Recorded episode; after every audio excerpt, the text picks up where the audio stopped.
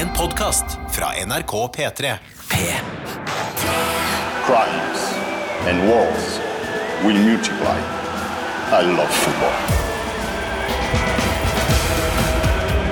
NRK P3 gir deg Heia EM. Heia fotballs daglige EM-podkast. Ja, ja, ja, ja, nå. Der er det, vet du. Nå leverer EM. Og det er fun fact spesial i dag i Heia EM, Tete. Er det det? Halvard Lindstad har sendt oss en deilig eh, bunke med fun fact, selvfølgelig. Syns, skriver, syns det er verdt å merke seg at MLS stiller med null spillere i EM, sammenlignet med Eliteserien og Premier League 2, som ikke hadde hørt om før, som begge har én spiller i EM. Ja. Robert eh, Taylor er EM fra ah, Eliteserien. Brann. Matthew Smith, som spiller på Wales, eh, han spiller Premier League 2, og det er en slags U23-liga. Premier League 2, ja, selvfølgelig. yes. Ja, ja, ja. Det er sterkt å komme seg inn i EM eh, fra den uh, sida. Enig. Skal vi bare gønne i gang med Heia EM episode 4, da? Riskrem, bønnsem. Heia EM. Heia EM! Heia fotballs daglige EM-podkast. Dagens gjest. Ja, jeg er klar for det. Jeg er klar for dagens gjest. Det er den eneste vi kjenner som leser bøker i dusjen. Eh, hun har vært rådgiver for et av mine favorittindivid i universet, Hans Olav Lahlum. Eh, hun er òg en ivrig paninisamler, språkviter med spesialkompetanse på fotballreferanse på Stortinget, sportskommentator og en god venn av Heia Fotball, Mina Finstadberg! Velkommen! Takk skal dere ha. Yes! Velkommen tilbake. Det er long time no speak. Ja, Det begynner å bli en stund siden sist, nå, men Sven glemmer aldri den der lese i dusjen-greia. Den Nei. eh, hef har liksom hekta seg fast. Jeg er misunnelig, jeg er misunnelig på din ev- evne til å få lest bøker. For det er, det er noe jeg irriterer meg over ukentlig. At jeg ikke får lest nok. Mens der vet jeg at du er meget sterk. Ja, altså Mindre sterk nå enn jeg har pleid å være, eh, siden jeg jo har fått en kid siden sist. Så Ja, da blir det jo litt mindre tid til å, å lese bøker, og litt mer tid til å liksom Lese eh, kroppsspråk. Ja, og prøve å skjønne Hvor kommer denne gråten fra, mon tro? Men har, eh, Betyr det da at du egentlig har trent opp eh, en eh, overarmsmuskel såpass godt at du kan holde barnet, i hvert fall da i dusjen, mens du, dusjer, dusjer istedenfor en bok? Det kunne jo vært et kjempetriks. Det er jo den eneste fordelen med å ha mammapermisjon i pandemi, er jo at samboeren min har vært på hjemmekontor, sånn at han har jo kunnet liksom avlaste litt, sånn at jeg faktisk ikke har vært sånn her dusje annenhver uke, men du får liksom gjort litt sånne Er det en av grunnene til at så mange eh, faktisk har satt pris på hjemmekontor? Det har ikke jeg tenkt på. Men Veldig det er praktisk for meg, i hvert fall. Ja, lettere å dele på, på barnet før barnehagealder. Ja, altså i hvert fall det er min erfaring, da, Ja. eh, fra den vinteren her. Ja, men det er bra. Du kommer med den positive sida av hjemmekontoret. Ja, ja, ja. Eh, Hvor deilig er det med EM, Mina? Og det er så nydelig. Ja. Og dette mesterskapet her, det har vi jo venta på. Og Ja. jeg, det var litt sånn Da åpningskampen skulle gå, så trodde jeg på en måte ikke helt på at det var EM før dommeren blåste i gang. Fordi jeg har hele tida tenkt at det kommer til å komme en eller annen sånn uh, omega-mutasjon eh, fra gokk et eller annet sted som kommer til å bare spre seg. Ja. Og se, nei, jeg har liksom ikke turt å tro på at det skulle bli EM. Nei, det, nei, det var veldig vanskelig. Det var sånn Dagen før så husker jeg sånn Det blir avlyst. Vi får jo nyheter nå, for nå, da hadde det begynt å spre seg litt sånn Spania hadde fått det litt, Ja, Sverige hadde fått det litt. Ja, ikke ja. Ja, sant? ja. ja. Det er fun fact spesial i dag. Jeg håper dere verdsetter en god fun fact. For vi har fått mange mange gode. Per Øyvind Bonkerud Bonkerud på Twitter skriver Torben Piknik. Som var med og vant finalen for Danmark i 1992. Ja. Han kunne ikke være med på festen etterpå. Grunn de hadde bestilt sydentur, og flyet gikk tidlig neste morgen. Oi, Den er en. Iversen-variant. Eh, ja, Nærmest. eller eh, hva, hva hadde vi snakka med dette om, da? Det var noen på Rosenborg. Var det Harald Brattbakk, eller? Ja, Men dette er jo det danske laget som ikke egentlig skulle vært i EM. Ja. Nei, så det, det er en god unnskyldning. Sånn at De hadde jo sikkert lagt planer den sommeren der. De hadde der. ikke tenkt å dra eh, vinne det EM-et. Det var ikke deres plan. Der ville, jeg, der vil jeg ha flere fun facts fra akkurat det, det mesterskapet. For, for den er jo trist nok at han ikke kunne være med på festen, men her er det nok noen som eh, rett og slett enten ikke kunne være med på eh, eh, liksom mesterskapet i seg sjøl, eller faktisk måtte avlyse Ja. en av sine best planlagte ferieturer. Mm. Eh, Martin Hellerud, med en eh, fun fact, Tete. Hvor tenker dere at EMs foreløpige toppscorer tar veien? Blir det Real Madrid som stikker av med vedkommende? Blir det Manchester City? Eller til og med Juventus? Spørsmålet er altså hvem henter selvmål i sommer? Selvmål er toppskårer. Tre Ja. mål! Tre mål, tre deilige sjølmål. Og inntil eh, Cristiano kom i gang i går, så hadde jo Juventus-spillere skåra flere sjølmål enn mål. Ja, ikke sant? Ja, det var en tung start, eh, rett og slett. Tobias Hovland har faktisk en fun, fun fact på det. Jeg kanskje skal gi han en kopp. Ja. Han sier etter Portugal-kampen er Juventus som klubblag nå i null på antall mål i dette EM. To selvmål av Demiral Steschen. to mål av Ronaldo. Ja. Det er litt som eh, Juventus den sesongen her, egentlig. Ja. Det, det, Faktisk. litt sånn sidelengs going, bare. Det, går- det går ikke helt uh, riktig vei, men uh, vi skal snakke mer om Ronaldo i løpet av denne sendinga her, i hvert fall. Det er helt sikkert. Ja, og kanskje vi skal uh, snakke om han allerede nå, for nå skal vi spille Nabosjef Toastmaster. Ja, det er jo ditt uh, nye favorittgame, det, Sven. Jeg tror kanskje det er siste runde, da. Uh, selv om det er en veldig gøy uh, Veldig, veldig, Du, jeg synes det er kjempeartig. Ja, jeg synes det er kjempegøy, men jeg merker Tete syns det er tungt. Men- Nei, da, jeg synes ikke det er så tungt, men, men jeg tenker jo at det, den funker veldig bra. eh, men så er det sånn, det kan jo også være, med tanke på at vi fikk så gode svar sist, at det begynner å bli vanskelig for gjestene som er innom, at man kan bytte. Det fins jo andre roller ut der som man skal forholde seg til. Det er sant. Så jeg har en utfordring til dere etterpå som er over samme lest. Sånn at, ja.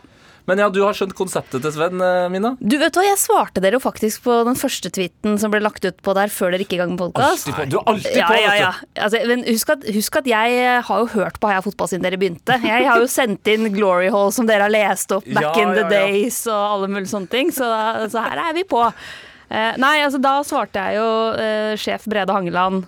Toastmaster Joaquin og nabo Borten Berre. Men jeg- jeg, jeg tenkte, og det mente jeg var mine umiddelbare Ja. svar på det. Jeg har tenkt ut noen nye til nå, da. Ja, men det, ja. men eh, jeg vil, bare holde litt ved eh, toastmaster Hauki- eh, der, for det, det tror jeg kanskje er noen som tenker sånn Nei, det, altså, han er jo en god spiller, altså. Nei, men altså for en kødden type.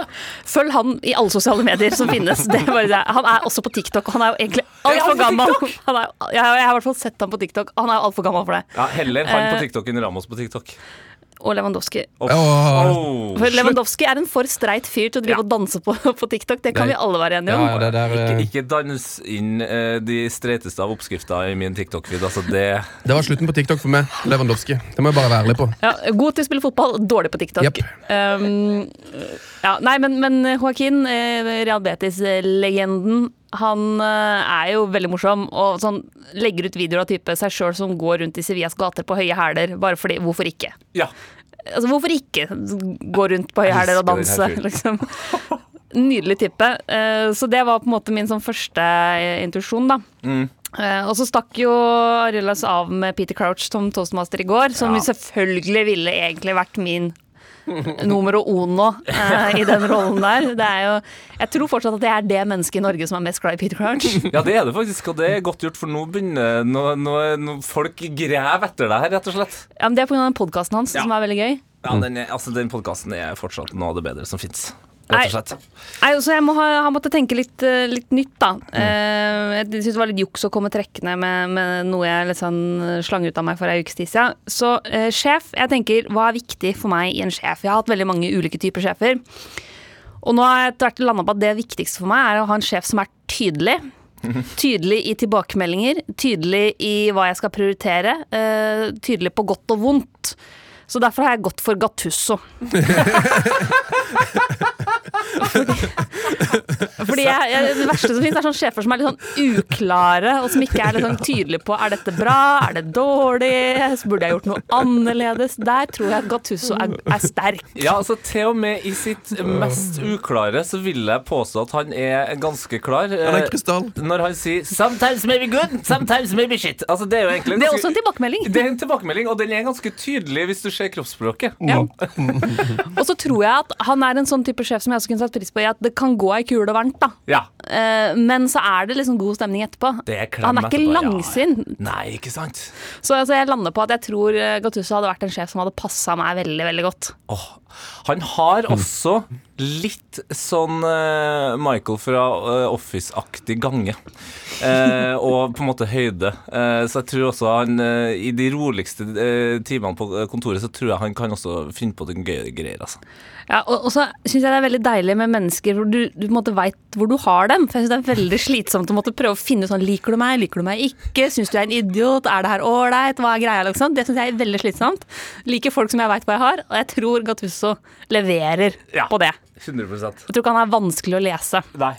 Altså han, han, øh, hvis jeg ikke skal ha Brede Hangeland som var nummer én, så er det Gattusso som er øh, min sjef. Toastmaster, så har jeg da landa på øh, en fotballspiller som er i ferd med å på en måte prøve å fylle det tomrommet Peter Crouch har etterlatt seg på Twitter. Oi. Og det er Martin Deron i Atalanta. Ah, ja! Han er kjempemorsom på Twitter. Er det sant? Ja. Og han er jo litt sånn eh, Ingen skjønner egentlig hvordan han plutselig har endt opp med et lag som spiller Champions League og er i toppen av Italia, og, er i, og at han plutselig skal spille EM for Nederland. Min, aller minst han sjøl. Ja. Det, det er jo ingen som, som så for seg at han skulle sånn gjøre det så bra. Eh, men har masse sjølironi, er veldig morsom på Twitter, anbefaler alle å gå inn og følge han. Han deler veldig mye bilder av seg sjæl som er kjempelite flatterende. Det syns jeg er gøy. ja, det er perfekt. I jungelen av alle fotballspillere som du ser at har en Instagram-konto som er så gjennomstyla og gjennomplanlagt at det er litt sånn det er litt sånn uh, Ken-dokker hele gjengen. Ja. Så syns jeg det er deilig med en fotballspiller som bare sånn Se på trynet mitt her, ser ikke det rart ut, da? Ja, men altså, fordi Jeg har fått med meg noen av uh, Martin Derons uh, tweets, og det er bare for at andre har retweeta det. Så tenkte jeg bare sånn Jeg har bare tenkt at det er tilfeldig, men eh, den kontoen er, går jeg rett inn og følger nå. Ja, det anbefaler jeg veldig. Altså, han er en kul spiller, og så er jeg jo glad i Atalanta. Ja. Kul klubb. Der, og det liker jeg at Atlanta uh, har på en måte Altså, Hvor mange wingbacker er det egentlig som spiller i Atlanta? Vi vet jo alle at det på en måte er en av de liksom, beste egenskapene med det laget. Men hver kamp i EM nå, så er det jo en wingback som eh, spiller i Atlanta. Eller nettopp har spilt der. Ja, det er, helt, det er jo helt ekstremt! Det må være en av lagene som eh, liksom, de siste tre årene har hatt flest spillere som nå spiller i EM. Ja, men, men så det skal du ikke se bort fra. Så de har jo også et enormt antall spillere ute på lån, og har jo fryktelig mange spillere som har vært gjennom kverna. Så ja, nei, så, så det er en fin klubb, fin spiller. Eh, blir min toastmaster. Og for et Jeg må bare si det. For et profilbilde. Ja, men for, men for et profilbilde på Martin Deron. Du, der, allerede der skjønner du at det er mer enn nok av humor her. Ja, og jeg er veldig glad i folk som ikke tar seg sjøl så høytidelig. Åh, så deilig. Ja. Det syns jeg er fint. Eh, og nabo, da går jeg for Santi Cazorla. oh, han, er, han har ikke tenkt på på kanskje fem måneder. Jeg blir så glad hver gang jeg kommer på Santi Cazorla. For et nydelig lite menneske. Og så tenker jeg en, en fyr som har klart å gå gjennom så mye dritt uten å bli bitter. Han må være fin å ha som nabo. Altså Når du har litt sånn bakter kjøttetende bakterier som spiser opp deler av akillesen din, Ja. Eh, og likevel klarer å liksom komme ut på andre sida med et smil om munnen og være positiv og, og sånn. Ja. Det er noen egenskaper der, altså. Og var det ikke så ille òg at uh, når han da skulle få eh, transplantert hud fra seg sjøl til den delen av uh, foten, uh, så måtte han ta fra underarma, og der hadde han vel tatovert navnet Ja, på barnet sitt? Ja, Så, Så halvparten- halve navnet er på akillen, er på hælen, og resten er på underarmen. Han er løsningsorientert type. Ja, ja. Eh, og så, jeg vet ikke om dere fikk med dere da han kom tilbake igjen til Villarreal, eh, og hvordan han ble presentert for supporterne. For da var det altså en, en, en sånn boks som kom inn på banen eh, til Villarreal, og der står det noen tryllekunstner, altså masse røyk og greier ja! Og så bare kommer Santi Cazorla og dukker opp inni den boksen som en sånn kjempetryllekunst. Og det er kanskje den feteste sånn spillepresentasjonen jeg har sett noensinne. Sjekk den boksen her. Sånn til Casola oppe. Å, det er Og helt det er så litt gøy, fantastisk. fordi sånn Har vi noen spillere som får plass oppi den boksen her? Nei, Santi Cazorla, da! Det blir fort sant i Casarella. Det kan jo være at noen ble skuffa og tenkte at det var Insigne, men altså, det er vel de to første jeg på som har plass i den boksen. Og så kan en jo ta både corner, frispark og straffespark med begge bein, og det, eh, er setter jeg utrolig. pris på. eh, Det er i greit å ha en nabo, ja. Ja. Så, ja, nei, så det blir min. Og så er det jo som sagt en utfordring tilbake. En lignende lek som jeg har lekt med mine venner i mange år. Og det er, Den er egentlig inspirert av uh, Patrice Evra. Og det er vors fest nachspiel.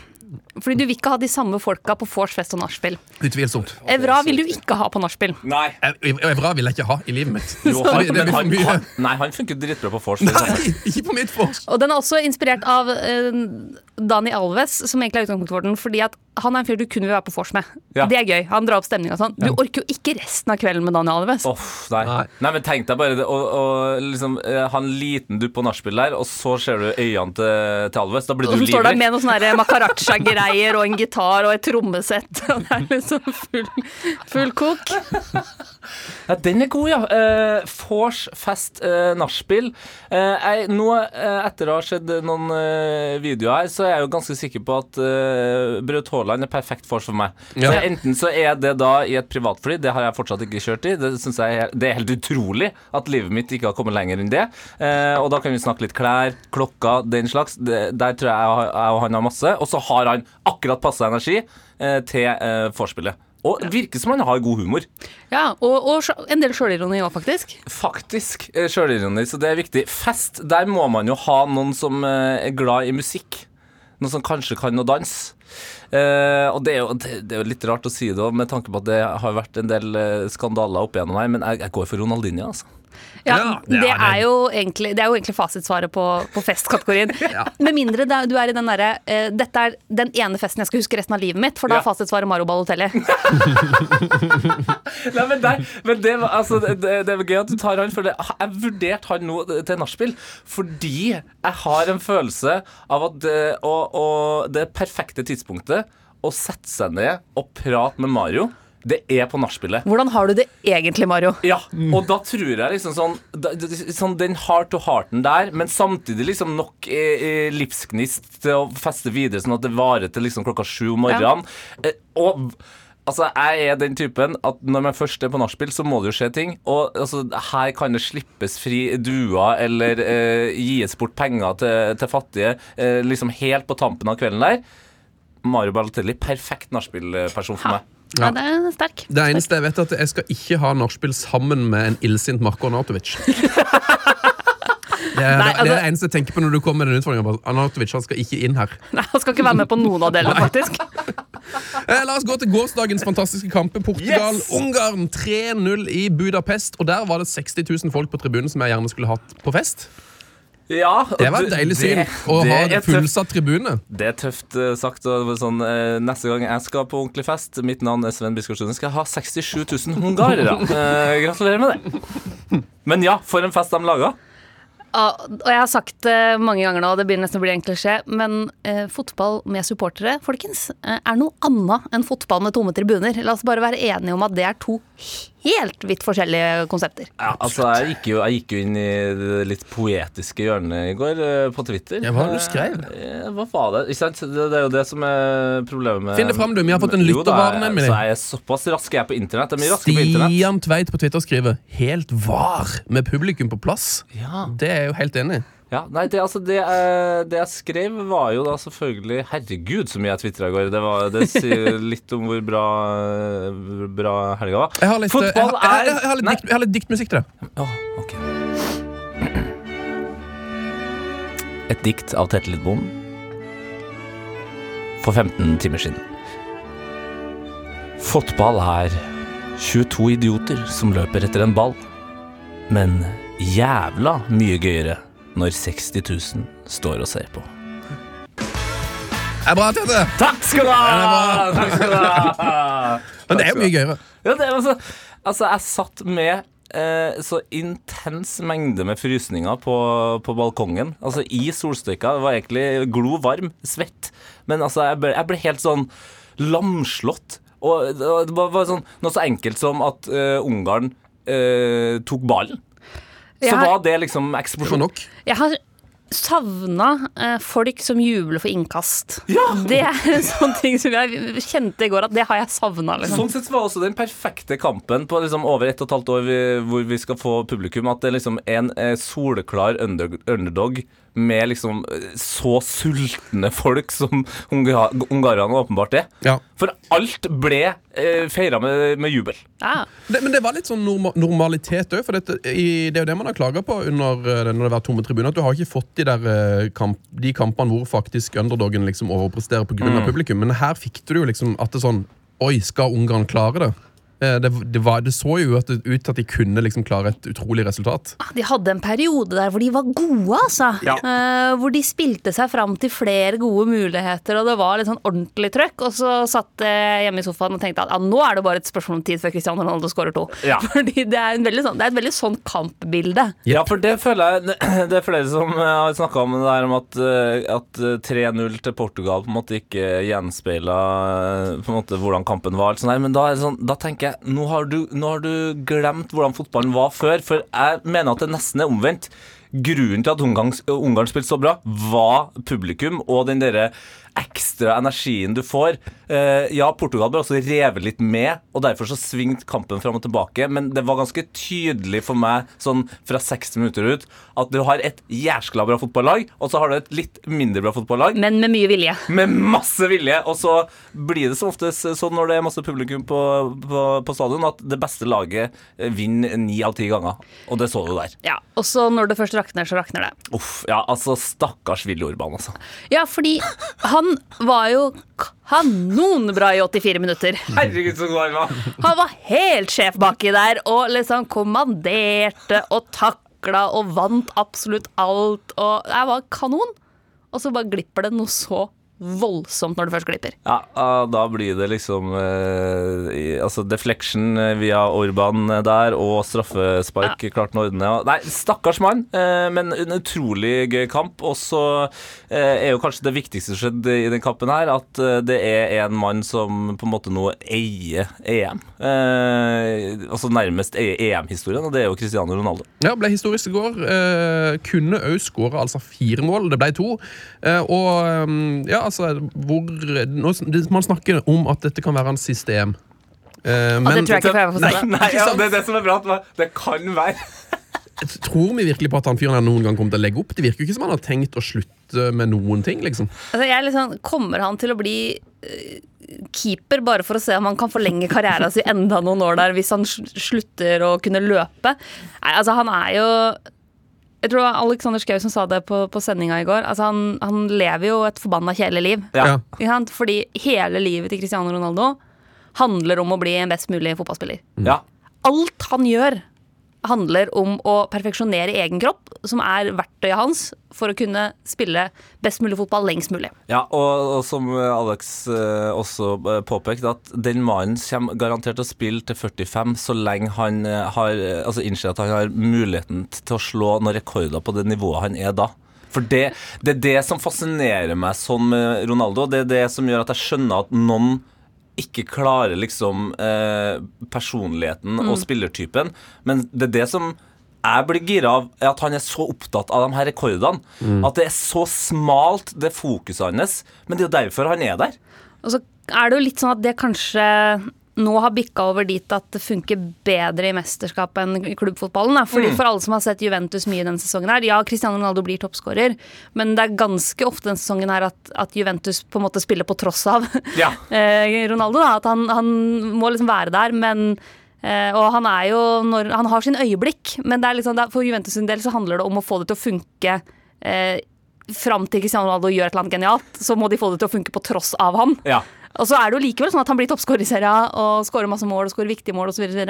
Men jeg tror kanskje at den enorme egoismen, hvis vi kan kalle det det, nå etter hvert funker bedre i mesterskap enn det gjør i hvert fall i Juventus. ja. Og han har jo nå skåra i flere eh, EM enn Polen. Så det er jo godt gjort. Han har Bra skåret fun fact. Han, Den han har skåra i fem, eh, Polen har skåra i fire. Eh, fun fact fra Halvard Lindstad, eh, som han sendte inn her før eh, EM. Han sendte oss jo bare en lang liste med oh, fun facts. den er sterk. Eh, og det en her peker på hvorfor Portugal vant denne jevne kampen. da For Portugal de har nemlig stallen med flest EM-kamper på CV-en. Altså De hadde 89 eh, kamper i, på en måte, i banken før EM starta. Eh, så de er det mest rutinerte laget der. Andreplass er Belgia med 57. Nederland har kun fire. Så um, altså Bruno Fernandes, Jota, Bernardo Silva, Ruben Diaz. Cristiano Ronaldo. altså De har mye bra spillere. liksom Hvor, Er de favoritter til å vinne hele turneringa for dere? Altså, jeg hadde Portugal sammen med Frankrike som liksom de to store, eh, sånn åpenbare favorittene inn mot det mesterskapet her. Så er det litt sånn det at de havna i denne dødens gruppe, men så går jo alle videre omtrent uansett. Så det har liksom vært litt vanskelig. Jeg gleder meg veldig til å se de to lagene møtes i gruppespillet. Ja. Men jeg syns jo Portugal eh, er kanskje det laget som har forbedra seg mest siden forrige mesterskap. Ja. Eh, hvis du ser på startelveren nå, liksom, jeg syns den er veldig markant sterkere, da. Eh, I tillegg til at det, er et av de lagene som har mest, samme Frankrike, som har mest komplett lag. Det er veldig vanskelig å finne svakheter i det Portugal-laget nå. Ja, for jeg var jo jeg var litt skepti- skeptisk til Portugal, litt pga. eh, alderen til PP og, og Ronaldo. Men man kan jo aldri avskrive eh, Ronaldo. PP viste seg å være eh, akkurat der han skal være. Eh, og så sånn, glemt liksom Guerreiro, for eksempel. Som, som, som løfter på en måte angrepsspillet til, til Portugal på et helt annet vis. Og når du gjør et bytte, så sender du inn på André Silva, han som skåra nest flest mål i Bundesligaen forrige sesong, liksom. Som egentlig bare er en innbytter i det laget der. Ja, altså Ruben Neves sitter på benken der. Altså, de, har fakt de har vel, sammen med Frankrike og Belgia eh, og England, da, den på en måte største troppen. Og det er her jeg tror eh, både Spania, Tyskland, Nederland, andre lag som også virker veldig gode, kanskje kommer til kort fordi sesongen har vært sånn som den er. Og det her er et mesterskap hvor man i mye større grad kan bruke bytter, for man kan bytte flere. Så jeg tror liksom bredden på troppen vil være viktigere enn noen gang. da.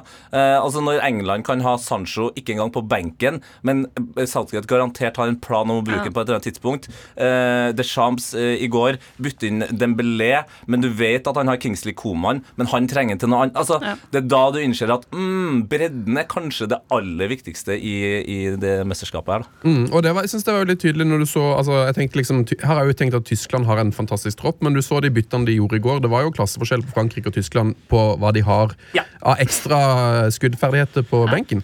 Um, vi kan snakke litt om Frankrike-Tyskland. Må bare nevne at uh, Coca-Cola-aksjene de har gått ned 4 milliarder dollar i verdi, ifølge Marka, etter at, uh, Ja, de har det! etter at Cristiano Ronaldo latterliggjorde dem. Altså det, der, altså det, det øyeblikket der eh, det, Det oppsummerer jo Cristiano Ronaldo på alle måter, ref det vi snakka om i stad. At Ja. uh, her skal det ikke være noe cola i veien for, uh, for veien mot å bli toppidrettsutøver, Uh, Nei, og det, vis, det viser også at han har også tatt noen steg siden sin uh, spede begynnelse. For vi, vi har faktisk akkurat fått inn noen bilder fra vår danske lytter William Danstrup. Oh, min favoritt fra Danmark! Og han har jo selvfølgelig ikke bedt om noe opp her, men han skal få det fordi han bare legger ved noen bilder av en reklamekampanje med Ronaldo og KFC. En reklamekampanje med Ronaldo fra Manchester United-tida. Coca-Cola. Og selvfølgelig en eh, Ronald McDonald-reklame. Men det er jo ikke sant. Han, til og med han har tatt steg, folkens. Til og med han har funnet ut at det fins et liv uten McDonald's, KFC og Coca-Cola. Eh, Utrolig nok. Wow. Ja, det er stort. Eh, fortsett å sende oss tips på e-post heiafotballkrøllalfa.nrk.no. Frankrike-Tyskland 1-0. Det var altså så, Jeg hadde en sånn opplevelse under kampen at det var bare sånn Jeg synes bare det var så sykt å se på. For du har, altså, du har en kamp hvor Kroos spiller, Benzema, Kimmich, Mbappe, Neuer, Müller, Varan, Gündogan. Det er jo en sånn slags NBA All-Star-følelse. Det er bare sånn Herregud, er det mulig å ha samla så mange gode spillere på en gang? Det var litt sånn der Harlem Globetrotters-feeling på dette. Nei, den kampen eh, altså Jeg kosa meg så voldsomt med den kampen. Kudos til min datter som sovna kvart på ni. Eh, Det var så overlegent. Våkna, våkna jeg igjen sånn, eh, sånn rett før overtida var over. Så kjente jeg nå begynte, Så tenkte jeg sånn der, Kan jeg drøye dette her? Sånn et Og det var lang halvminutt- et halvminutt til, sånn at vi liksom ja. Nei, så det var MVP der. Eh, veldig, veldig godt levert. Men så jeg må bare si, eh, Paul Pogba eh, Vi har jo sett det før, hva, hva han gjør i Frankrike-drakta. Men i går så var han den derre eh, Paul Pogba fra Løkka-spilleren som gjør at vi forelsker oss i fotball. Den der ene pasningen hans uh, fram til Hernandez, eksempel, det er så grisedeilig uh, at man blir helt matt av å sitte og se på det. Og så må jeg si at eh, jeg diskuterte litt med ei venninne på veien hit i stad, at jeg syns Frankrike bare De framstår så solide, stødige, sløser ikke, har kontroll. Eh, Jeg følte at de var litt sånn på sparebluss deler av kampen. Ja. Og så satte de De gira opp et par ganger når de bare spilte gjennom Mbappé, eksempel. Så vi fikk den der Mbappé mot Hummels-duellen. Så det så Det er, det er roadrunner mot Det var sjukt. ja, men du føler liksom at de hele tida var litt sånn kontrollert, kontrollert, kontrollert. kontrollert Ok, da kan vi gire opp litt i en fem minutters tid. Smakk, smakk, smakk, pang! Ja. Og så er vi nede og kontrollerer igjen, liksom. Og det er sånn et mesterlag ser ut, da. Ja, og det, det, det Nok en gang, altså, så det, det er et eller annet med å, å liksom gire om, fordi den eh, Portugal-Ungarn-kampen var veldig liksom kaotisk til tider, og det tror jeg gjorde at eh, mange kom inn i denne kampen med forventninger om at det skulle liksom være like eh, Altså mye galskap. Eh, så derfor så virka det nesten som det liksom gikk saktere, eller at det var mindre tempo. Men, men jeg syns det her var en helt perfekt fotballkamp. Og så beviste eh, akkurat det du snakker om med, med mesterskapslag. Fordi altså, til og med eh, den største fotballhjernen vi har her i Norge, Drillo, kunne ofte irritere seg over at eh, Frankrike ikke var tydelig nok i presset sitt. eh, og lot på en måte Tyskland eh, eh, komme seg inn i mellomrommet. og alt sånt der. Men så var det litt sånn men de gjør det fordi de har kontroll. Det var sånn, For all del, hvis Gundogan har lyst til å ha ballen på 25 meter, det er jo ikke noe problem for oss, det. Altså, Kim Pembe tenker perfekt, jeg ser akkurat hvor du er igjen. Og det var litt sånn jeg tror til og med Drillo på en måte hadde egentlig forventa seg en større eksplosjon, og så hadde han bare pusta litt med magen og sett sånn Deschamps er, har blitt en så forbanna lur uh, fotballtrener at uh, altså, jeg, jeg, jeg trodde ikke at vi skulle komme dit at han er liksom Han er topp tre for meg nå. Han, Hvordan men han er setter opp et sånn lag. Landslagstrener. Ja, det det. Mesterskapstrener. Eh, det er det han, eh, han er god på nå. Altså. Men det er den der, du sitter hele tida med følelsen av at Tyskland har sine muligheter. Altså. Det er ikke det. Men du sitter hele tida med følelsen av at hvis Tyskland scorer nå, så har Frankrike det der giret de kan sette inn som de ikke har brukt ennå. Ja, og så Du nevner Pogba her, som alltid blir liksom streitere og mer skikkelig og, og bare med seg sjøl i Frankrike. Og så har du sånn eh, Grismann. Altså, Ja. han, han sprang jo som Dirk Coit! Han var jo Dirk Coit! Ja, det var helt rått. Og uh, ifølge SofaScore så var Varan banens beste. Um, selv om de har Pogba, Mbappé, Griezmann, Benzem, oh. så er det jo en fantastisk lag på defensiv etter Frankrike, som, eh, som du nevnte. Og jeg vil jo gi en liten shout-out til um, Hernandez. Du nevnte den syke pasninga fra Pogba, men det Hernandez gjør når han kommer rundt på sida der, det innlegget er det er så genialt, for Hummels gjør jo egentlig alt rett. Han er nødt til å klarere, for ellers så skårer eh, Mbappé. Så han må klarere, sette ballen eh, det eneste stedet han kan sette den, i mål, for det innlegget er så hardt. Så mm, Og Han hadde jo sikkert hørt på gårsdagens CIM, der Ja. både jeg og Arild S, som vi kaller den nå, eh, klaga på at hans bror ikke var med, eh, fordi at eh, Lukas er litt den kjedelige eh, versjonen av de to brødrene. Ja, han, er ikke, han, er så, han er ikke så kjedelig. han er den kjedeligste. Ja, han er den kjedeligste, men han er ikke så kjedelig. Eh, lytterspørsmål fra Andreas Trøen på e-post. Ville bare si at jeg syns det er svakt av Tyskland å vente til det 85. minutt med å endelig bytte inn på Frank Strandli. eh, da kan du skylde deg sjøl, sier han, og det er jeg enig i. Frank må inn. Ja, så det, det, Er det Vollan man eh, tenker på? Jeps. Ja, eller? De er jo ganske like anlagt med bilder her òg. Men hvor langt går eh, disse to nasjonene i EM, tror vi? Hvor langt går Tyskland, er jo òg et stort spørsmål. Eh, jeg hadde stor tro på de før gårsdagen. Jeg hadde ikke det. Nei, ikke sant? Men Tyskland er litt sånn eh, det glemte laget i det mesterskapet her, syns jeg. Altså, vi har snakka veldig mye om England og Frankrike og, og Portugal, og noen av oss har jo også drevet og hausa litt på Italia. Og Tyrkia. Og, og Tyrkia. Ikke, ikke glemme Tyrkia. Eh, men, mens Tyskland har vært litt sånn Ja, de er gode, men, men er, de er ikke gode nok. Nei, altså jeg eh, Det er det at de har havna i en såpass tøff gruppe som de har, da. Så det blir veldig spennende å se hvordan de håndterer kampen mot Portugal. For da tenker jeg at vi får En ting er Frankrike i åpningskampen, men at vi kan få, få litt sånn svar på hvordan responderer de på det tapet, da. Eh, Det tenker jeg blir veldig interessant å se med tanke på hvordan mesterskapet videre blir for dem. Ja, jeg, har, jeg har litt troa, altså, for det er sånn plutselig så Havertz og disse her Altså, de har jo kvalitetsspillere i alle ledd. Ja, men- er dårlig, liksom. Nei, men jeg tenker at uh, Problemet til Tyskland er at de er litt motsatt motsatte av Frankrike. da uh, Etter kampen du så i går. At der Frankrike uh, virker å ha et ekstra gir som de kan liksom smelle inn, så Mm. virker Tyskland å ha en kollaps nærstående. Ja, men det er liksom sånn Ja, jo, ja. eh, Altså, eh, Hummels, eh, Mbappé Alle skjønte jo at det eh, ikke burde skje, og så skjedde det to-tre ganger. Og Hummels klarer på altså fantastisk vis å, å unngå eh, i to situasjoner der at det blir mål. Eh, det er helt utrolig. Ja. Men den neste gangen han er i en sånn situasjon, så ryker det noe i Ja. den mannen. Ja. Fordi han har ikke mer igjen. Hvis uh, Varom hadde vært strenge, så kunne han jo fått rødt kort og straffe på når han uh, takler Mbappé på den komiske løpsduellen der. For han, er først, eller- han er først på MBP. Altså, det, Jo. Se han om igjen. Han er først på MPP. Ja. Men, eh, den- ja. Men ikke sånn VAR skal brukes i EM nå. Nei. Men streng dommer kunne bare sagt der er rødt kort. Du tar mannen først. Nei, der er, jeg- der er jeg faktisk Og jeg bruker alltid å være på angripers eh, lag, altså, men der syns jeg taklinga er for Den er veldig god, men en kjip uh... Jeg hadde elska å ha deg som dommer. Tete. Sånn, Nei, fint mål, ikke offside. Du, du hadde latt eh, Mbappé sin skåring stå.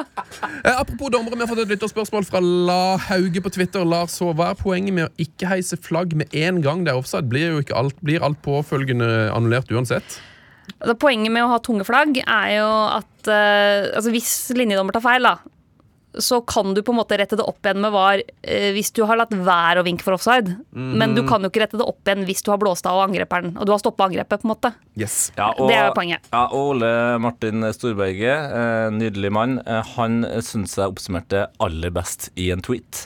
Linjemenn elsker også fotball. Ville bare se hva Mbappé, en av verdens beste, fikk til før han med tårer i øyekroken og klump i magen vektet flagget nådeløst opp mot himmelen. Og hvis ikke det er en god forklaring på Det er fasit, faktisk. Det er fasit. Det er fasit.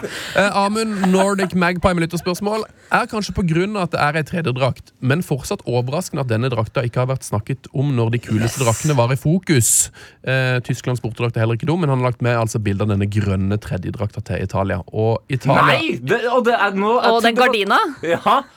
Jeg trodde det var det Tysklands eh, bortedrakt du skulle eh, dra fra meg nå. Det drar fram begge, men han fokuserer på Italias eh, tredjedrakt. men Den er ikke dum. Jo, fordi Italias tredjedrakt er de gardinene man hadde på barneskolen rundt omkring, som var kjøpt inn så at du hadde dem i liksom alle rom. Wow. Ja, Word, og, og, grønne, Wow. og grønne fotballdrakter er dessverre et elendig Hei! konsept. Hei! jo, men Mandal, Wow! Mellomveien, alle dere ute der! Sverresborg Jeg beklager, Irland. Shit. Det er et elendig konsept. Fysj. Nei, Betis. Jo, men det er fortsatt Ja, Betis på, by, litt- Betis på byen. Med Kjempebra. Men Betis på banen elendig. Det der er faktisk sant om for hele klubben Real Betis. Bedre på byen enn på banen. Men nei, altså jeg syns uh, Tyskland sin bortedrakt uh, kjempestilig. Mm. Italia sin grønne tredjedag. Det er for mye mote. Det er problemet mitt. Ja. Altså, det er mer mote enn fotballdrakt. Ja, og der er jo jeg, jeg er jo egentlig ofte Du er bedre på mote enn meg, Tete. Ja, jeg er alltid på, på motesida. Det ble litt mye mot med det, Tete, faktisk. Ja, det, det er en ærlig sak. Uh, og, og, men altså, det får bare være. Men ja, eh, jeg er helt enig. Det, det, kan, det blir litt sånn for mye, i hvert fall i fotballsammenheng, Ja. med den Italia-drakta. Tyskland-drakta det er jo ren pornografi. Ja. Den er jo nesten litt for grov, syns jeg. Det er derfor den er, enn det er derfor den er blacka ut. Da er du både morsom og god. Og så tenker jeg også at uh, den bør, uh, bør bli et plagg som uh, NRKs ekspert Karl Erik Torp burde ta på seg. Jeg vet ikke om dere så, Jeg så den skjorta. Jeg, jeg vurderte faktisk å sende en melding og spørre hvor han hadde kjøpt den, for den var jo helt rå. Ja, for det var jo også da eh, Magnus Forsberg på, på Twitter. En helt uh, evig legende på Twitter, både innen fotball, fantasy og uh, politikk. Uh, så følg han der. Han mener jo at, at Kalletorp så ut som en fyr som skulle liten tur innom EM-studio før han skulle gå ut og drepe James Bond. altså det, er, altså det, det bildet er altså så enormt uh, at vi skal få uh, retweeta med, med Hea fotballkontoen. Altså det er noe av det bedre jeg har sett. Det er 50 eh, leiemorder, 50% prest. Og det er jo en kjempelook. Det er jo òg for de som har sett Karate Kid, det er jo liksom han, han fete, onde treneren på det svarte laget. Det, Den, det er helt sant. eh, altså, nevnte Forsberg er jo en av mine aller beste kompiser, så vi diskuterte selvfølgelig det her eh, i, i går, og vi lurte litt på hva om man hadde begynt å fordi vi, vi, vi bestemmer jo veldig sjelden hva vi har på oss selv i studio. Det er jo sånn at det finnes jo klesfolk som I hvert fall jeg bestemmer ikke sjøl hva jeg har på meg. Det kan hende andre gjør det, men jeg bestemmer ikke sjøl. i TV 2. Det gjør jeg. Ja. jeg, jeg men tro meg, jeg, de kranglene Jeg skjønner at det er lurt sånn energimessig eh, å, å unngå dem, men der krangler jeg hver hver ja, gang. nei, jeg, jeg kan jo ikke mote og kan ikke klær, så jeg syns det er kjempefint at noen bestemmer det for meg. Men vi begynte å diskutere i går hva om man hadde begynt å liksom kjøre sånn kostyme, sånn temamessig. Så det er sånn Ja, da er det Skottland-England. Da Børsley blir det kilt på deg. Ja. og så blir det Tyskland. Da er det lederhosen. Eh, men det hadde jo gått gærent på et eller annet tidspunkt, men det hadde også vært ganske gøy. Børslig i kilt. Å, Ja, fytti. Hvordan hadde kledd. Eh, men jeg prøvde jo egentlig å pense dette inn på Italia, eh, for det er jo ditt lag. Eh, og de hadde en perfekt start på turneringa. De slipper jo ikke inn mål. Taper ikke kamper. Eh, er det i det hele tatt noen ting som kan felle dem fra nå veldig, veldig, veldig langt? Altså, det største problemet for Italia nå er at de er for godt likt. Eh, så det, det, det gjør at jeg er litt sånn bekymra. Fordi Italia pleier alltid å være best når det er litt sånn oss mot verden. Eh, og Ja. når altså sånn, De gangene Italia har vært gode, så har alle, nesten alle mine eh, venner i Norge hata dem. Ja. Mens nå er plutselig alle sånn herre Å, Italia spiller litt kul fotball, da. Italia er gøy lag, liksom. Og ja, mye fine spillere. Og, og, det, Det og, så har de, og så er det litt tidlig for Italia å være gode. For det de egentlig skal når de skal gjøre det, gjøre det bra i mesterskap, er at de skal hangle seg litt videre fra gruppespillet. Ja, den 3-0-kampen, den kommer Ja, den, kommer i, den skulle vært 1-0. Ja, den skulle vært 1-0, skulle vært et tap der, og så skulle det komme en 3-0-kamp. Ja, Så det er litt sånn tidlig å være gode, syns jeg. Mm. Eh, men når det er sagt, da, vi har jo diskutert dette litt på Twitter, Tete. og Det som er litt sånn gøy med de italienske lagene nå, er at det er først og fremst et lag. Ja. Det er ikke de store stjernene, selv om de spiller jo i store klubber for all del, men det er litt sånn du kan, du kan gjøre fire endringer i den startoppstillinga, og ikke svekke laget nevneverdig. Eh, om det er Berardi eller Kiesa som spiller på ene kanten. Jeg vil foretrekke Kiesa. De starta med Berardi i første kampen, det funka helt fint. Eh, Locatelli inn og vikarierer for Verratti, det går bra. Eh, altså, ok, Du kan godt bruke gamlegutta Chiellini og Bonucci, men du har en Bastone i bakhånd der som også kan komme inn på og, og gjøre sitt hvis det, hvis det trengs. Eh, Du har en Belotti Åh, oh, eh, bakhånd. Så det er liksom Det er muligheter her. Da. Det er først og fremst et godt kollektiv eh, som eh, de har fått på plass, og det syns jeg er spennende. Men de mangler et rasshøl, rett og slett. Eller to. De burde hatt en Materazzi og en Gattusso som kunne gjøre de upopulære i, i folket. Ja, men altså, Verratti skal jo inn. Eh, og eh, er det noe Verratti er god til, så er det å være et rasshøl Ja, på det er banen. sant. Eh, altså, Kanskje det som er redninga. ekte bra rasshøl, rett og Og så har Altså, jeg er jo kjempeglad i Nicolo Barella, men han har litt dra-til-tryne-potensial, han òg. Altså. Ja. Å, ja, ja, ja. Ja, han er irriterende spiller, og helsike så god han er. Ja, ja. Kjempegod. Ja, ja, eh, For en eh, sesong den eh, gutten har hatt. Det er Fun Fact spesial i dag i Heia EM, og vi har fått et legendarisk brev fra Martin Ingstad. Eh, Lars, Martin Ingstad han må få en kopp i posten. Fy fader, jeg har røkket tre kopper allerede. Eh, ja da. Ja. Eh, Goran Pandev. Ja. Han er Nord-Makedonias yngste målskårer i EM-historien. Det er en god fun fact. Mm. Han er òg yngre enn meg, Tete. Tenk på det. Selv om alle snakker om at han er så gammel. En, en Nei, det yngre tror jeg ikke på. En yngre enn deg. Ja da. Han er jo 60. ja, er 61, uh, ifølge den teorien. For han har bursdag nå i juli, og da blir han like gammel som meg. Eh, Cristiano Ronaldo har skåret flere mål for landslaget sitt enn hele troppen til 18 av de andre lagene i EM. Eh, hvis jeg skjønner den. Han, har 100, Ja. han hadde jo 103 mål eh, før, eh, før EM starta. Danmark hadde 102, som er en, en tropp som har skåret mye mål. Nord-Makedonia 102. Skottland bare 36. Spania bare 59. Det er, helt, det er håpløst. Skal dere høre den beste eh, fun facten kanskje i verdenshistorien? Kjør. Dominic Calvert-Lewin kan, som den eneste i EM, stave Ja. både covid og Ja. vaccine med navnet sitt. Oi, oi, oi, oi. Vaccination! Det er stort. Den er stor, faktisk. Ja, den er veldig god. Han har enda en enormt gøy en her, da. Østerrikes trener heter Franco Foda. Du er jo glad i språk, Mina. Ja. På portugisisk slang betyr dette gratis samleie. Gratis er samleie. Da han ble byttet inn for Tyskland mot Brasil i Brasilia i 1987, ble han møtt med latter fra tribunen! Da kommer gratis samleie innpå. Ut med Ut med Helmut Kranz. Ut med kransen inn med gratis samleie. Er. Kyle Walker er den eneste i den engelske landslagstroppen som har stått i mål i Champions League og aldri sluppet inn mål. Dean Henderson slapp inn mot Istanbul Basak-Shahir. Pickford og Sam Johnson har ikke spilt sel. Den er altså veldig sterk. Den er meget, meget Det er enormt, rett og slett. Hvordan klarte vi å snakke om uh, Tyskland-Frankrike-kampen uten eh, å nevne eh, Hannibal Rudiger?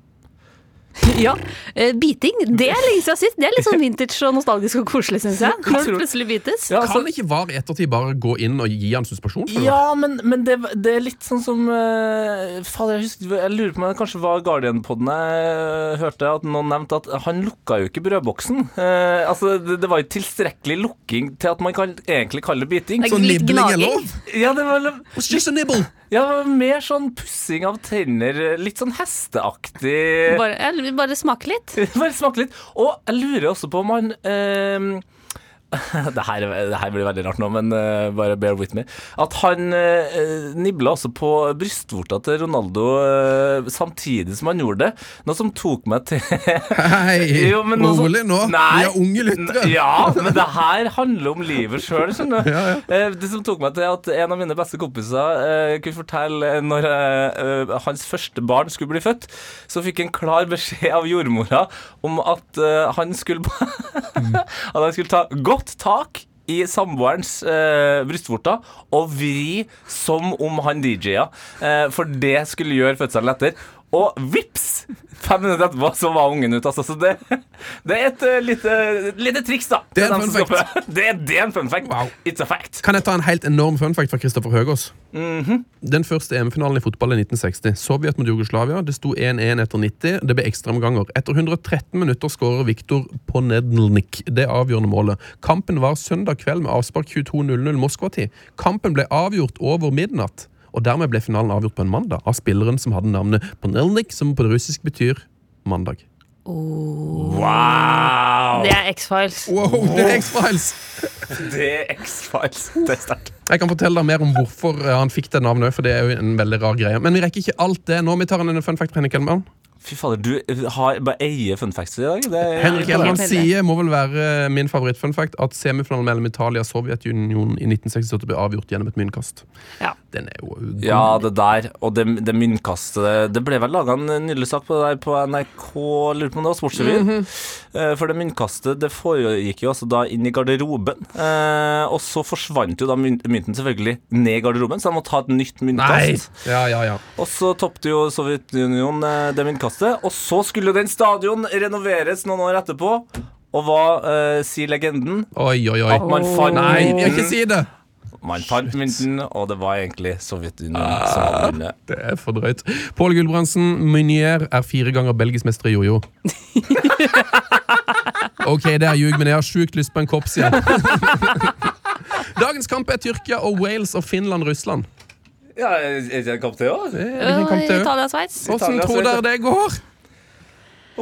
Ja, Finland-Russland det er jo en eh, sånn Ja. eh, geografisk og historisk interessant kamp. Ja! Det er rett litt å ta tak i det. Og der skal man som ekspert og kommentator holde tunga litt rett i munnen for hvilke referanser man, eh, man drar og ikke. Dette, dette husker jeg også fra tidligere når det har vært sånn type Polen-Tyskland og, Polen, og Ja, ja. Østerrike-Tyskland og sånt. Da skal man være litt forsiktig. Holde Ja. unna sånn Finland går på skudd, Russland eh, kommer til å brenne av. Ikke noe krigssone og den slags. Ikke, ikke sant? Nei, Eh, Soneforsvar. Det er, det er litt vanskelig å se for seg at det her skal bli liksom eh, Nå skulle jeg selvfølgelig si det òg, en eksplosjon av en kamp. Eh, men, men det har jo, føler jeg det her EM-et så langt har bevist, at de kampene man har egentlig hatt minst trua på, har jo egentlig vært mest. Sant? Ja. Og Da er så- kanskje Tyrkia og Wales den gøyeste kampen. Ja, for det er fordi- har minst forventninger til. altså, det, dette Tyrkia-laget, uh, som de, ha, de har jo potensial til å være veldig gode. Og det er, jo en, det er jo en grunn til at alle snakka om dem som et sånn lag som kunne nå langt. Men de har jo en greie hvor de er enten terningkast seks eller terningkast to. Ja. Eh, Det er liksom den, sånn de har vært egentlig ganske lenge nå. Altså, de kan jo valse over Tyskland for å så drite seg ut mot var det Latvia. De eh, Der gikk på- de, ja. Sånn at om det nå er liksom Tyrkia terningkast seks vi får servert, eller terningkast to vi får servert, det er jo vanskelig å si. ja. Men de må jo vinne den kampen. De må vinne den kampen, og Wales så er jo litt ikke, nød- De er mer sånn ternekast tre eller fire. Eh, og så får vi se om de er på tre eller fire i dag. Ja. Eh, men den kampen eh, pff, Det er jo fristende å si at Tyrkia kommer tilbake, da. Men Ja, jeg tror det. eh, ja, da går vi for det. Eh, men men eh, hva, hva ble vi enige om med Finland og Russland? Altså, er, altså, er det en vinner her, eller blir det, blir det uavgjort? Altså, jeg syns det er umulig å vurdere hvor gode Finland egentlig er, fordi den eneste kampen vi har sett dem i, var ikke Altså er en fotballkamp som Det går ikke an å vurdere den kampen sportslig, Nei. på en måte. Nei, på Eh, ingen Det måte. er ikke mulig å gjøre. sånn jeg syns det er kjempevanskelig å vite hvor Finland egentlig ligger i det mesterskapet her. Og, og det kan man egentlig si om Russland hver Ja. gang man ser Russland spille fotball. Ja. Altså, det er helt umulig å, og Jeg vet ikke om Russland er et bra eller dårlig fotballag. Men det er helt umulig å si. Eh, Så i utgangspunktet så skal jo selvfølgelig Russland være et sterkere lag enn Finland. Mm. Så får vi se, da. Eh, De var jo ikke spesielt imponerende mot Belgia. Nei, det var Det må være lov å si. Eh, Italia-Sveits, det er vel din kamp i kveld, Mina? Ja, TV 2 som viser den klokka ni. det tror jeg blir en veldig kul kamp. Sveits er jo liksom nødt til å, å gønne på etter at de spilte uavgjort i første kampen. Eh, mens Italia kan jo ligge og lure og lure og lure og lure, og lure, og så liksom hogge til mm. når de får muligheten. Så, og Italia kan jo sikre seg avansement. Ja, allerede. Ja, f eh, først ut. Uh, gleder meg til å se Embolo igjen. Uh, Ja. Det var så deilig å se at den her mannen som vi aller mest fotballinteresserte liksom har bare tenkt sånn Men når skal det gå for Embolo, da? Og så gjorde følte jeg at det gjorde det i første kampen.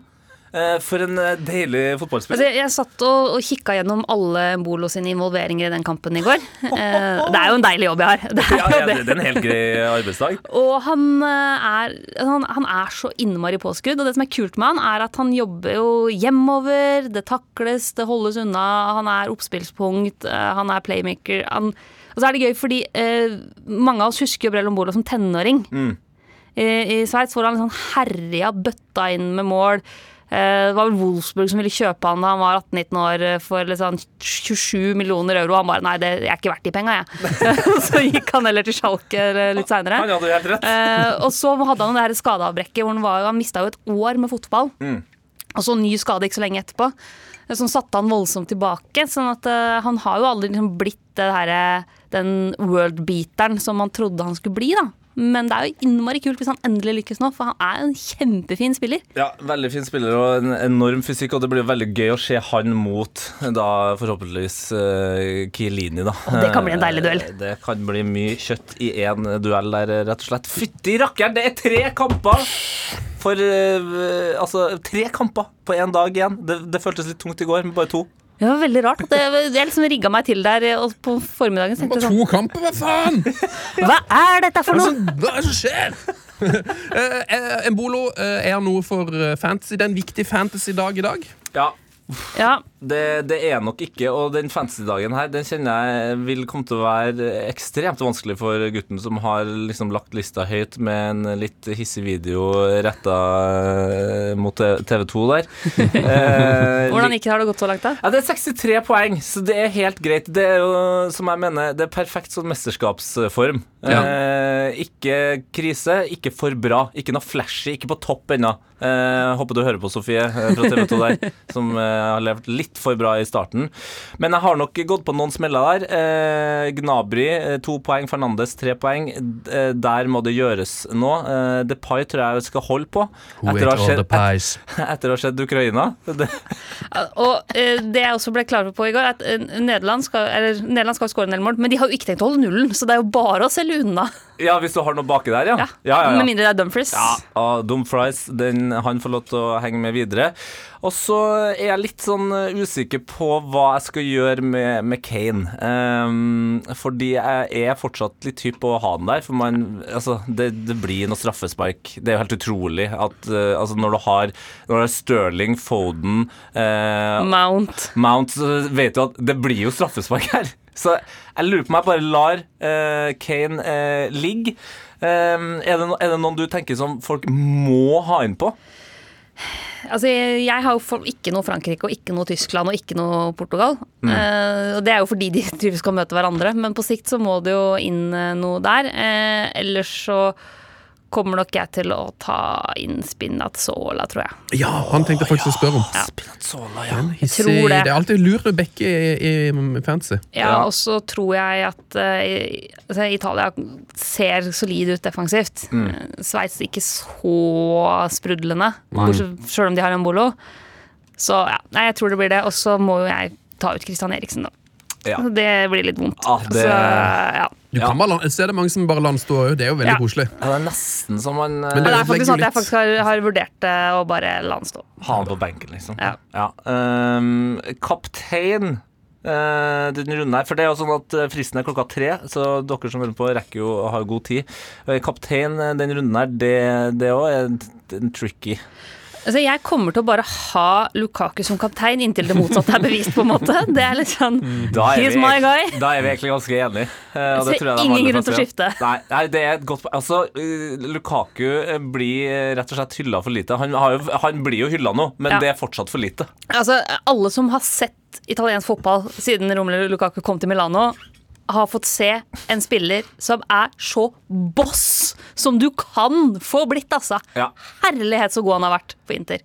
Og Ja. for Belgia har han alltid levert. Ja, ikke sant? Så det er altså sånn spissa sånn, så har vi, vi, vi Og det må jo være lov etter det året som har vært nå, at vi, vi tenker veldig mye Haaland. Og så er jo Kane naturlig for oss å få med oss pga. Av, eh, av Premier League, og så er Lewandowski øverst.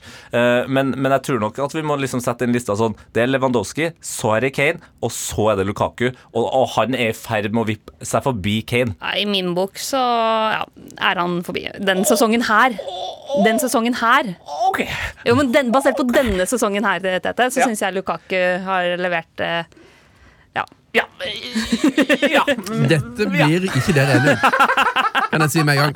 Eh, vi er dessverre tom for tid. Vi er egentlig på overtid. Eh, men eh, vi kan jo avslutte som vanlig med å minne om vår spilleliste. Tete. Heia EM 2021 eh, skal inn og oppdatere eh, etter flere gode tips eh, i løpet av de siste 24 timene som har gått. Det er veldig mange som vil ha med inn Hurricane Gilbert av Håkan Hellstrøm. Den skal vi selvfølgelig få inn, en slags Hurricane-hyllest der. Men Jeg har jo en Oral B-låt som jeg vil tipse deg om. OK, den kan du gjøre på bakrommet. Yep. Simen Øvereng har sendt inn eh, en eh, mail til heiafotballkrafnk.no. Fortsett å gjøre det, folkens. Hei og takk for deilige EM-sendinger. Dere snakker jevnlig om spillere som name-droppes i låter, og her kan jeg kanskje bidra. Gjennom en liten stund har jeg samlet på norske hiphop- og R&B-låter med fotballreferanser. Å, det er det er så ryddig arbeid, og han har også lagt ved en spilleliste der eh, som jeg skal eh, altså, altså, den skal jeg kose meg med i dag. Um, og han eh, drar selvfølgelig da fram eh, en helt fantastisk låt. som- Hvordan har jeg klart å glemme den her? Tøyen Tøyen Holding med Chirag eh, som gjesteartist På mikken! På mikken, ja. Det er det gamleste jeg har sagt i hele mitt liv, eh, by the way. Gjest, gjesteartist. Featuring Chirag. Eh, pause, eh, pause fra pausen. Eh, la oss høre på. Altså, det her er en ryddig eh, name-drop fra To name-dropper faktisk fra Chirag. Slik som en labell, så skål. Modeller gjør som Gary Neville etter Paul Skål. Small. Soverommet ser ut Altså, som en hæ? Altså. Det er altså så Det, det er sexy. Det Det er Ai, ai, ai. nydelig. Hvordan, hvordan er det mulig å få Gary Neville og Paul Scholes til å være sexy? Slik som en labell, så skål. Modeller gjør som Gary Neville etter Paul Scholes mål. Soverommet ser det så, ut som en klokk, det er så klokkereint! Jeg tør ikke si noe mer nå etter det der. Nei, men det er vel kanskje en perfekt avslutning på dagens episode. Mina, eh, som sitter der i eh, den friskeste av eh, Fabio Quagarella Sampdoria-skjorta. Eh, Oh, yes. Tusen hjertelig takk for at du var innom. Vi skal, skal du jobbe i dag? Eh, nei, jo, det skal jeg. Jeg skal jobbe i kveld. Du skal jobbe i kveld? Ja. For jeg skal innom Alle elsker EA. Ah, da ses vi på Kontraskjæret. Da skal vi jo se eh, Italia-kampen sammen. Hey, det blir stas! Fytti. Hvor skal du kjenne, Sven? Hjemme. På TV. Det er også bra. Det er bra, det òg. Takk for, eh, takk for besøket, Mina. Du, det var kjempestas å være her igjen, altså. Ja. eh, Er du klar for en eh, siste liten ryddig fuck-off? Alltid. Fuck off! Fuck off! Heia EM fra NRK P3. Tre